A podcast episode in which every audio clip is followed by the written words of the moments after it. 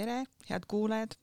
olete kuulamas äh, Tartu Ülikooli eetikakeskuse podcasti teemal lasteaia ja kodu või siis pere vaheline koostöö. meiega on täna siin arutlemas Karmen Palts, tere, tere.! psühholoog, kes on kirjutanud doktoritöö kooli ja kodu vahelisest kommunikatsioonist, töötab koolis ja on äh, Tallinna Kelmiküla lasteaiapsühholoog ja meiega on ka Tartu Ülikooli ajakirjanduse professor Hallike Haraloit, tere! tere! ekspert, kes on kirjutanud väärtusarendusest ja selle analüüsist ning on ka hea lasteaia mudeli väljatöötaja ja arendaja rollis.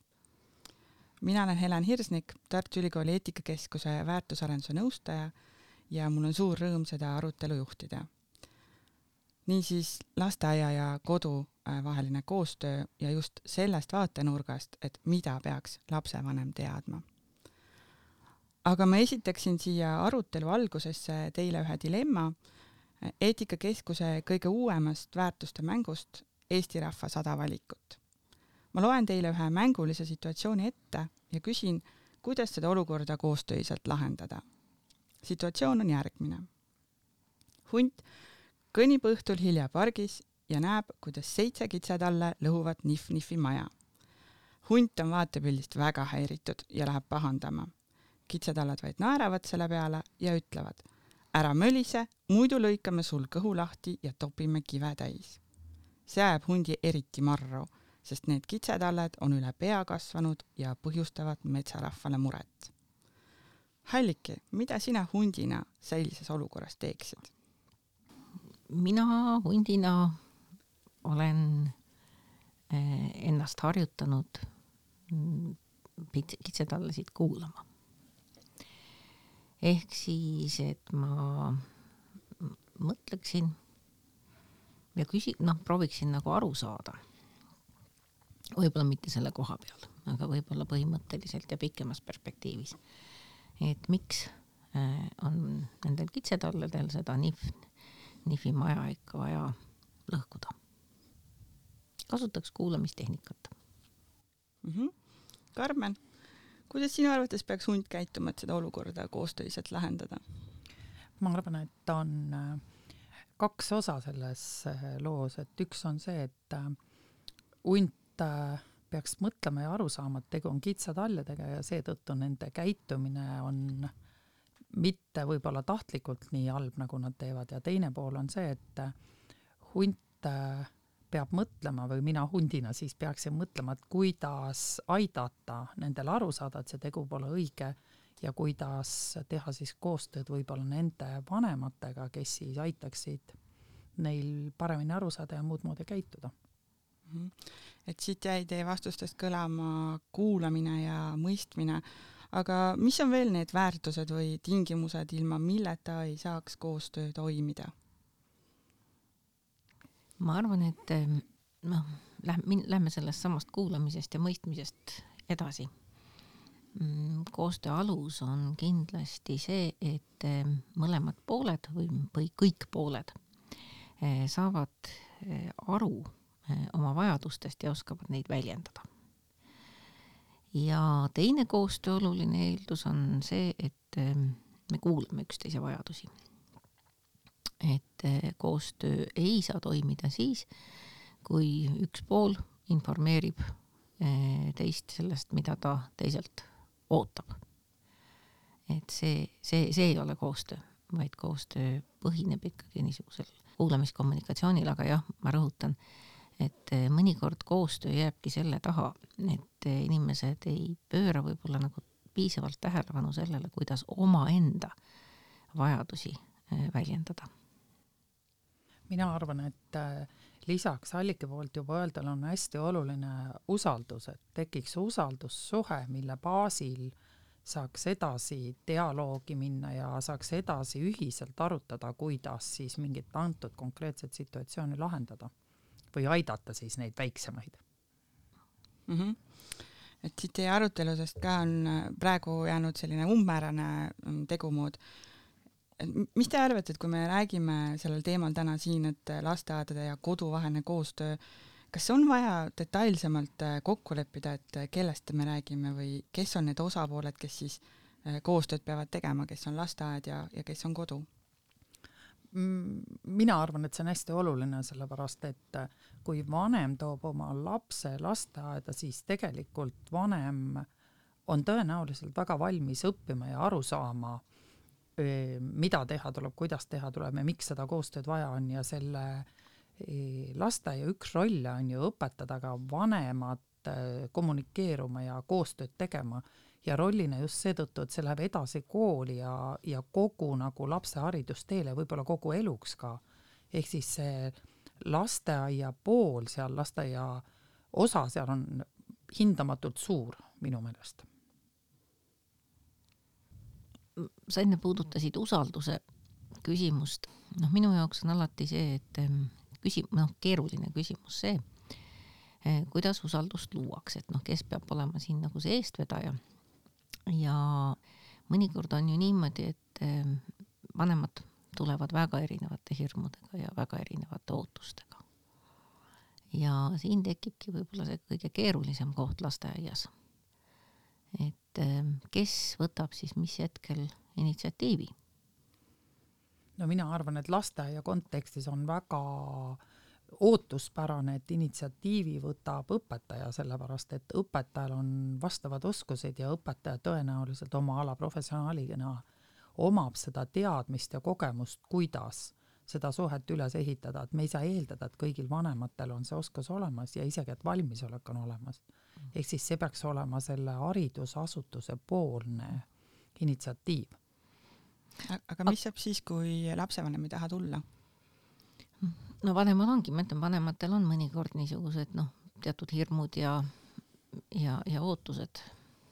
võib-olla selle juures on kõige olulisem see, et kui vanem ei taha tulla ühel või teisel põhjusel, et püüda aru saada, miks ta tegelikult ei taha tulla ja, ja tegutseda selle nimel, et seda usaldust oma selle näiteks lasteaia või asutuse vastu kasvatada, aidata seda vanemat läbi selle. sest see vanema tulek ei ole ju lihtsalt see, et õpetaja tahab Äh, lasteaiaõpetaja näiteks kohtuda vanemaga.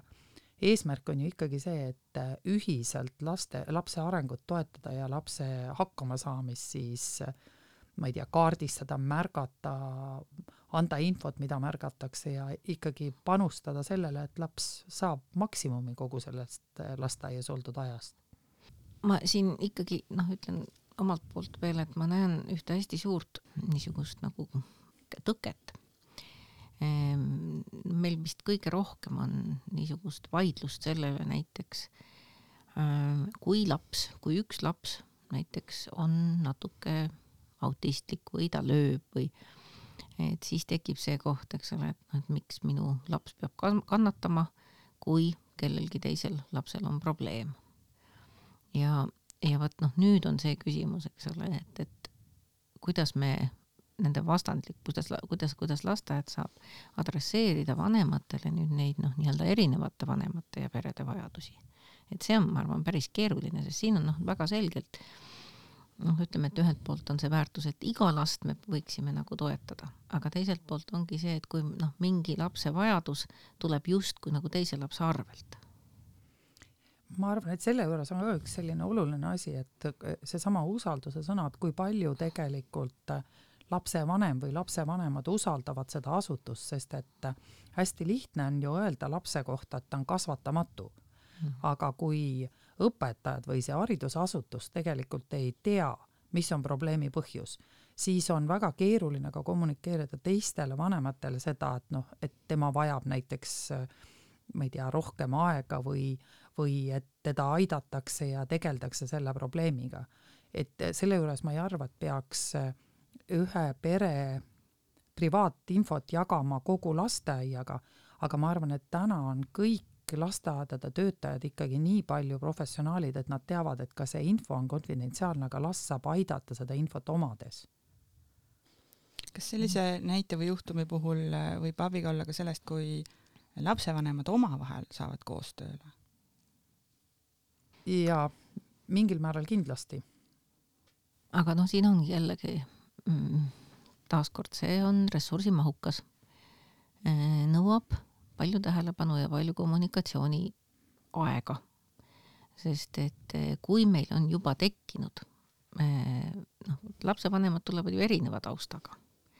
ja noh, kui on juba tekkinud ähm, niisugune näiteks olukord, kus üks või teine lapsevanem on väga mures ja väga hirmul ja kerges vastupanus, siis ma arvan, et äh, on vaja mõelda, kui hästi või on natuke vaja mõelda seda modereerimise plaan teha.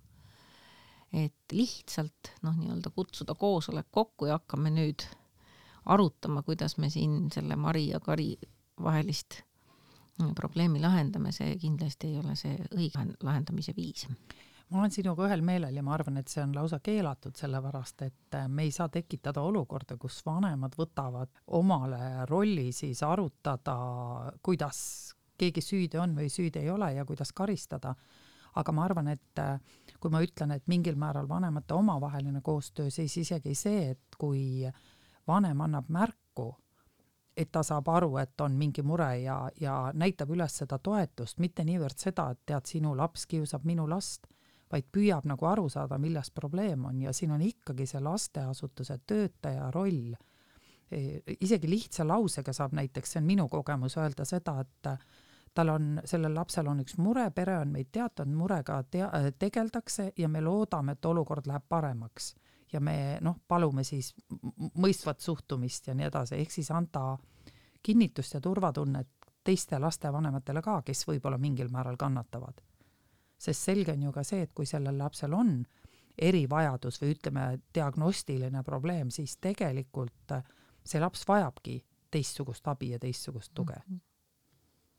Sellised äh, näited kõnelevad äh, tihtipeale ka sellest, et äh, jõutakse omavahel mingis mõttes konflikti, eks, et et kui mu, minu hirmudega ei tegeleta, mu laps ei saa abi ja teiselt poolt teised lapsevanemad näevad, et nende lastel on ka raske, no näiteks on rühmas laps, kes hammustab teisi lapsi ja mina lapsevanemana näiteks ei taha, et mu last hammustatakse, ma ei taha, et seda juhtuks täna-homme, aga ilmselgelt see probleem, eks nagu niimoodi üleöö ei lahene, et siis tekib selline konfliktifoon võib-olla sinna. kas sellise konflikti taustal, kuidas siis üldse on, kas on üldse võimalik koostööle jõuda?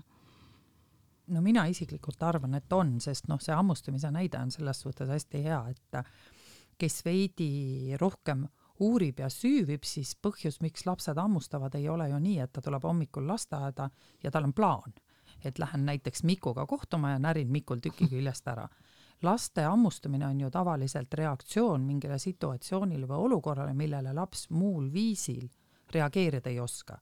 ja on ju teada tõsiasi, et hammustavad need lapsed, kes, selles vanuses lapsed, kes verbaalselt veel väga hästi endaga toime tulla ei oska, kellel on nagu keeruline oma tundeid ja emotsioone ja kõike muud siis väljendada ja võib-olla ka kontrollida nii et jah, ma olen selles mõttes ka toetan, et eh, kui me nüüd noh, seda needsamad niisugused vajaduste konfliktide olukorrad mm, tõlgime väärtusvalikutesse, et siis eh, ühelt poolt on tõesti oluline kasvatada eh, professionaalsust, mis võimaldaks lasteaial lasteaiaõpetajatel ise õppida lapsi väga tähelepanelikult vaatlema Äh, tõendus- ja teaduspõhiselt äh, neid probleeme analüüsima, mis on ja siis noh, tõesti seda ka natukene äh, õpetama vanematele, ehk siis, et me väärtustame sellisel juhul ikkagi teadmust konkreetsete laste mingi noh, nii-öelda vajaduste ja nende vajaduste põhjuste kohta. et jällegi niisugune noh, süvenev, süvenev suhtumine erinevatesse lastesse mida saab ka vanematele väga edukalt kommunikeerida, et, et noh, et tõepoolest me lihtsalt mitte ei reageeri mingile sümptomile, nagu Karmen ütles, vaid me alati küsime, mis on selle põhjus. et kui laps tõesti noh, ei suuda oma emotsiooni väljendada ja näe, leiab selleks meile mittesobivaid viise, siis järgmine küsimus, et kuidas me saame teda õpetada emotsioone väljendada. Et ma arvan, et see on nagu hästi oluline nagu just sellise koostöö alus. mõni võib mõelda, et noh, mis sihuke teaduspõhine ja et kust me selle igapäevasesse, eks ole, toome mm.. aga ma arvan ka, et, et selline põhjuste äh, analüüs ja info lapse kohta on see, mis annab aluse niisugusele mõistlikule koostööle. ma arvan, et siin on üks hästi oluline asi veel, et see on see, et kuidas õpetaja lasteaias kommunikeerib pärast vanematele seda, mis juhtus, missuguse Mhm. hääletooniga, missuguse sõnastusega, mis kontekstis ja millal. ja kas ta üldse sellest räägib või see on nii, et laps läheb koju ja siis vanem tuleb, kas saadab siis kurja kirjaliku teate või tuleb hommikul kurjalt ja üritab siis asju klaarida. Aga kui me saaksime unistada, et me elame ideaalses maailmas, siis milline see lapsevanem seal ukse peal peaks olema, et milline on selline koostööteadlik ja võib-olla koostöönõudlik lapsevanem, kellega oleks ideaalses maailmas hea koostööd teha? ma saan aru, et see küsimus on minule, et ilmselt ma peaksin siis teadma, et kes see ideaalne lapsevanem on. ma väga armastan lapsi ja ma armastan nende vanemaid ka ja mulle tundub kadedusega, ma väga tihti vaatan, et kõik on nii teadlikud vanemad ja kõik teavad tegelikult, kuidas olla ja kuidas oma last toetada ja kuidas mingi situatsiooniga hakkama saada. võib-olla ma olen liialt leplik, aga mulle tundub, et enamus vanemate puhul, kellel tekib see ülereageerimine või ükskõiksus või, et seal on mingi muu teema, mis on tinginud selle olukorra, et kas on, nagu Alliki juba ütles, kas on hirm või kartus või mingi vana kogemus all, või siis ongi nii, et enda isikliku elu või töö või lasteaiavälised mingid probleemid on eskaleerunud. ehk siis see vanem, kes seal ukse peal oleb, ma arvan, et iga lasteaed oleks nõus sellega, kui hommikul tuleb lasteaeda naeratav vanem ja kes ütleb ausalt, et mul on kohutavad päevad, ma olen nii väsinud, aga et ma loodan, et läheb paremaks mõni päev. väikse mõtte lisan, et see eh, lapsevanem, kes, kes oleks ideaalne lapsevanem, minu jaoks on ta see, kes igal juhul noh, nii-öelda oma lapse eest eh, tahab ja julgeb seista. just. Eh, see on nagu kõige alus ja siis, kui ta teeb seda natuke oskamatult või agressiivselt, siis ma usun, et on võimalik teda veidi õpetada eeskujuga ja heade suhtlemistehnikatega ja aga kui tal ei ole mingil põhjusel huvi või jõudu oma lapse eest seista, siis noh, see on, see on nagu hästi-hästi-hästi keeruline ja kurb olukord, sest siis noh, kipub laps muidugi jääma igal juhul üksi. aga see on jälle see koht, vähemalt minule tundub, kus vastava eriala professionaal, nagu õpetaja tegelikult on, peaks seda märkama ja mingilgi viisil kuidagi toetama seda vanemat või aitama talle mm. õppida ja aru saama, et laps vajab seda tuge ja märkamist. jah, see küsimus on minu jaoks ka tekkinud, et lasteaia roll ühiskonnas. ühelt poolt noh, me alustasime ka selle, selle, selle tõdemusega, et lasteaed justkui ei pea mitte üksnes aitama la lapsi arendada, vaid lasteaial, mõnel, mõnel lasteaial rohkem, mõnel vähem, on justkui ka see roll, et ta peab aitama vanemal heaks vanemaks saada. Ja see, ma arvan, oleks niisugune tõdemus selles ideaalses maailmas. ma tõepoolest pööraksin riigi tasandil oluliselt suuremat tähelepanu nii lasteaedade ressursile kui ka rollile. ja just noh, nii-öelda, et see, mida ei ole nagu väga sõnastatud minu meelest, on see, et äh, lasteaial, kuna, kuna vanem tuleb järgi ja vanem viib ära ja tal on see noh, see kontakt on sellel ajal suurem. et äh, mulle tundub, et äh, kui nii-öelda selle noh, nagu teadvustataks seda, et lasteaed võiks ka vanemat aidata saada mõnest keerulisest olukorrast oma lapse suhtes üle, siis võib-olla selles ideaalses maailmas oleks hiljem lastel oma vanematega ka lihtsam. lisaks tundub mulle, et on hästi oluline mõtiskleda selle üle, et oli pikk periood, kus lasteaed oli koht, kus laps viidi hoidmiseks vanemad läksid tööle, ta viidi sinna sellepärast, et tal ei olnud kuskil jääda, see tuli selle perioodi otsa, kus siis vanavanemad olid piisavalt noored, et tööl käia, nad enam kodus ei hoidnud last. mingil hetkel muutus lapse hoidmine ja lapse hoidmise funktsioon lasteaias ikkagi teistsuguseks. ehk siis täna ma ei tea mitte ühte noort lapsevanemat, kes viib lapse lasteaeda hoidmiseks, nende kõigi eeldus on, et mu laps on haridusasutuses, kus ta areneb ja minu meelest seda ütleb ka tegelikult nimi, et kui palju me täna ikkagi kasutame väljendit lasteaed või me ütleme alusharidus või haridusasutus mm. -hmm. et see on nagu märgiline natuke. Teie jutust siin saab kokku võtta sellise sõnumi lapsevanemale, kes võib-olla ei taha või, või ei julge tulla ja pöörduda, et äh, esiteks on see, et sina lapsevanemana pead oma lapse eest seisma, see on sinu ülesanne, kui sa seda ei tee, siis see lapsekene võib jääda üksinda, aga teisest küljest, kui sa oled endaga hädas lapsevanemana, oled mures ja ei oska, siis ka tegelikult lasteaed võib olla see koht, kus seda väljendada. on see nii? kindlasti ja lisaks on veel see, et ma arvan, et iga lapsevanem võiks omaks võtma selle teadmise, et ma suhtlen oma õpetajatega ja kasvatan seda suhet, kui asjad on hästi, sest et sel hetkel, kui mingi asi on halvasti ja see ei pruugi üldse last, lapsest tingitud olla, et kodus on mingi kriis või lasteaias, et sel ajal on lihtsam selle kriisi ja halva asjaga ka pöörduda. nüüd me oleme natukene keskendunud võib-olla sellele grupile vanemale, vanematele, kes äh, võib-olla hea meelega ja kohe ei tule koostööd tegema, aga tegelikult on osa ju ka väga aktiivseid ja võib-olla üliaktiivseid lapsevanemaid, et mis te arvate, et kas äh, kuskilt jookseb ka piir, et kas on olemas selline asi nagu liiga palju koostööd? no võib küll olla jah, ma olen üsna kindel selles, et, võib olla natuke ühelt poolt liiga palju kontrolli soovi, teiselt poolt võib-olla ka natuke sellist üleorganiseerimisvajadust või noh, liigset aktiivsust. seda on kirjeldatud jah. ühest küljest ma arvan, et see on nii, aga teisest küljest arvan ma, et on hästi mõistlik läheneda, et miks mõni vanem on nii aktiivne.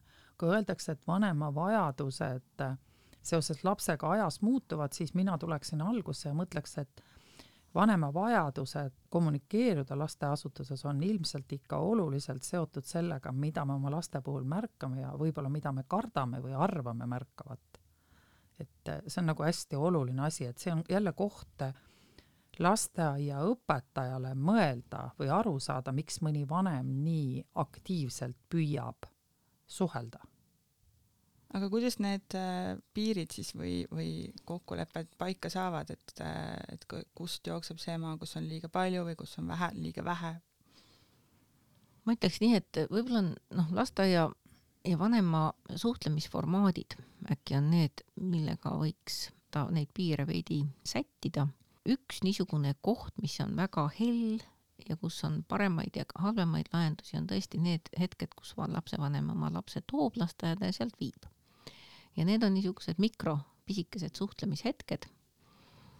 aga lasteaiaõpetajal ei pruugi selleks hetkeks olla väga noh, nii-öelda aja ja, ja, ja tähelepanuressurssi, et vanemaga rääkida tegelikult, et mis siis päeva jooksul tema lapsega just juhtus. et noh, mina näiteks ise arvan, et võib-olla see oleks see hetk, kus lasteaed võikski suunata vanema eeskätt küsima lapse käest, kuidas tema päev läks ja seda ühel väga selgel põhjusel, eh, jälle seesama lapse, me peaks toetama lapse mm, oskust oma päevast rääkida, oma tundeid väljendada ja meil on oluline toetada vanema jäägitud tähelepanu lapsele, ma tean, ühes lasteaias keelati ära telefonide näppimine siis, kui vanem tuleb lapsele järele. Eh, nüüd jääb sealt küsimus, aga et mis hetkel ja ajal siis saab lapsevanem tõesti kasvataja käest näiteks küsida sellise olulise küsimuse, et kuidas minu laps teiste lastega mängib. ja vot siin nüüd hakkabki lasteaedade loovus ja vanemate ootused, mis siis ma arvan, et on niisugune igal lasteaial oma, oma viis, et kas need on eraldi siis niisugused väikesed jututunnid, võib-olla on need pisikesed, väikesed kahe-kolme perega mingisugused niisugused vestlusringid või noh, mis iganes fantaasiat on siin ju võimalik rakendada. aga, aga, aga noh, kindlasti on see no koht on siin võib-olla see, mis tahab mõtlemist, on see, et mida vanem küsib, näiteks noh, kas ta tabab ära küsida seda, et noh, kuidas minu laps teistega mängib. ja kuidas me vastame sellele. või noh, kuidas siis mitte me, vaid noh, laps, lasteaia õpetaja vastab sellele vanem võib ka näiteks küsida ju, et kas ta on juba tähed selgeks saanud. või et noh, et, et seal hakkab see, et noh, mida me, mida vanem ja, mida vanem küsib, mida lasteaed omalt poolt tähele paneb, mis teemadel me noh, nagu räägitakse ja millal leitakse aeg ja koht? lisaks sellele arvan ma, et on hästi oluline, et õpetaja lasteaias, kehtestamine on halb sõna, aga ütleme, et teeb kokkulepped näiteks ja see on üks kogemus ühest Tallinna lasteaiast, et eh, nüüd, kui pandeemiaga seoses rohkem õues ollakse, et igal neljapäeval neljast kuueni on mõlemad õpetajad kohal ja kõik vanemad saavad tulla ja küsida ja rääkida, noh, mis neid huvitab nagu, ehk siis on kindel aeg.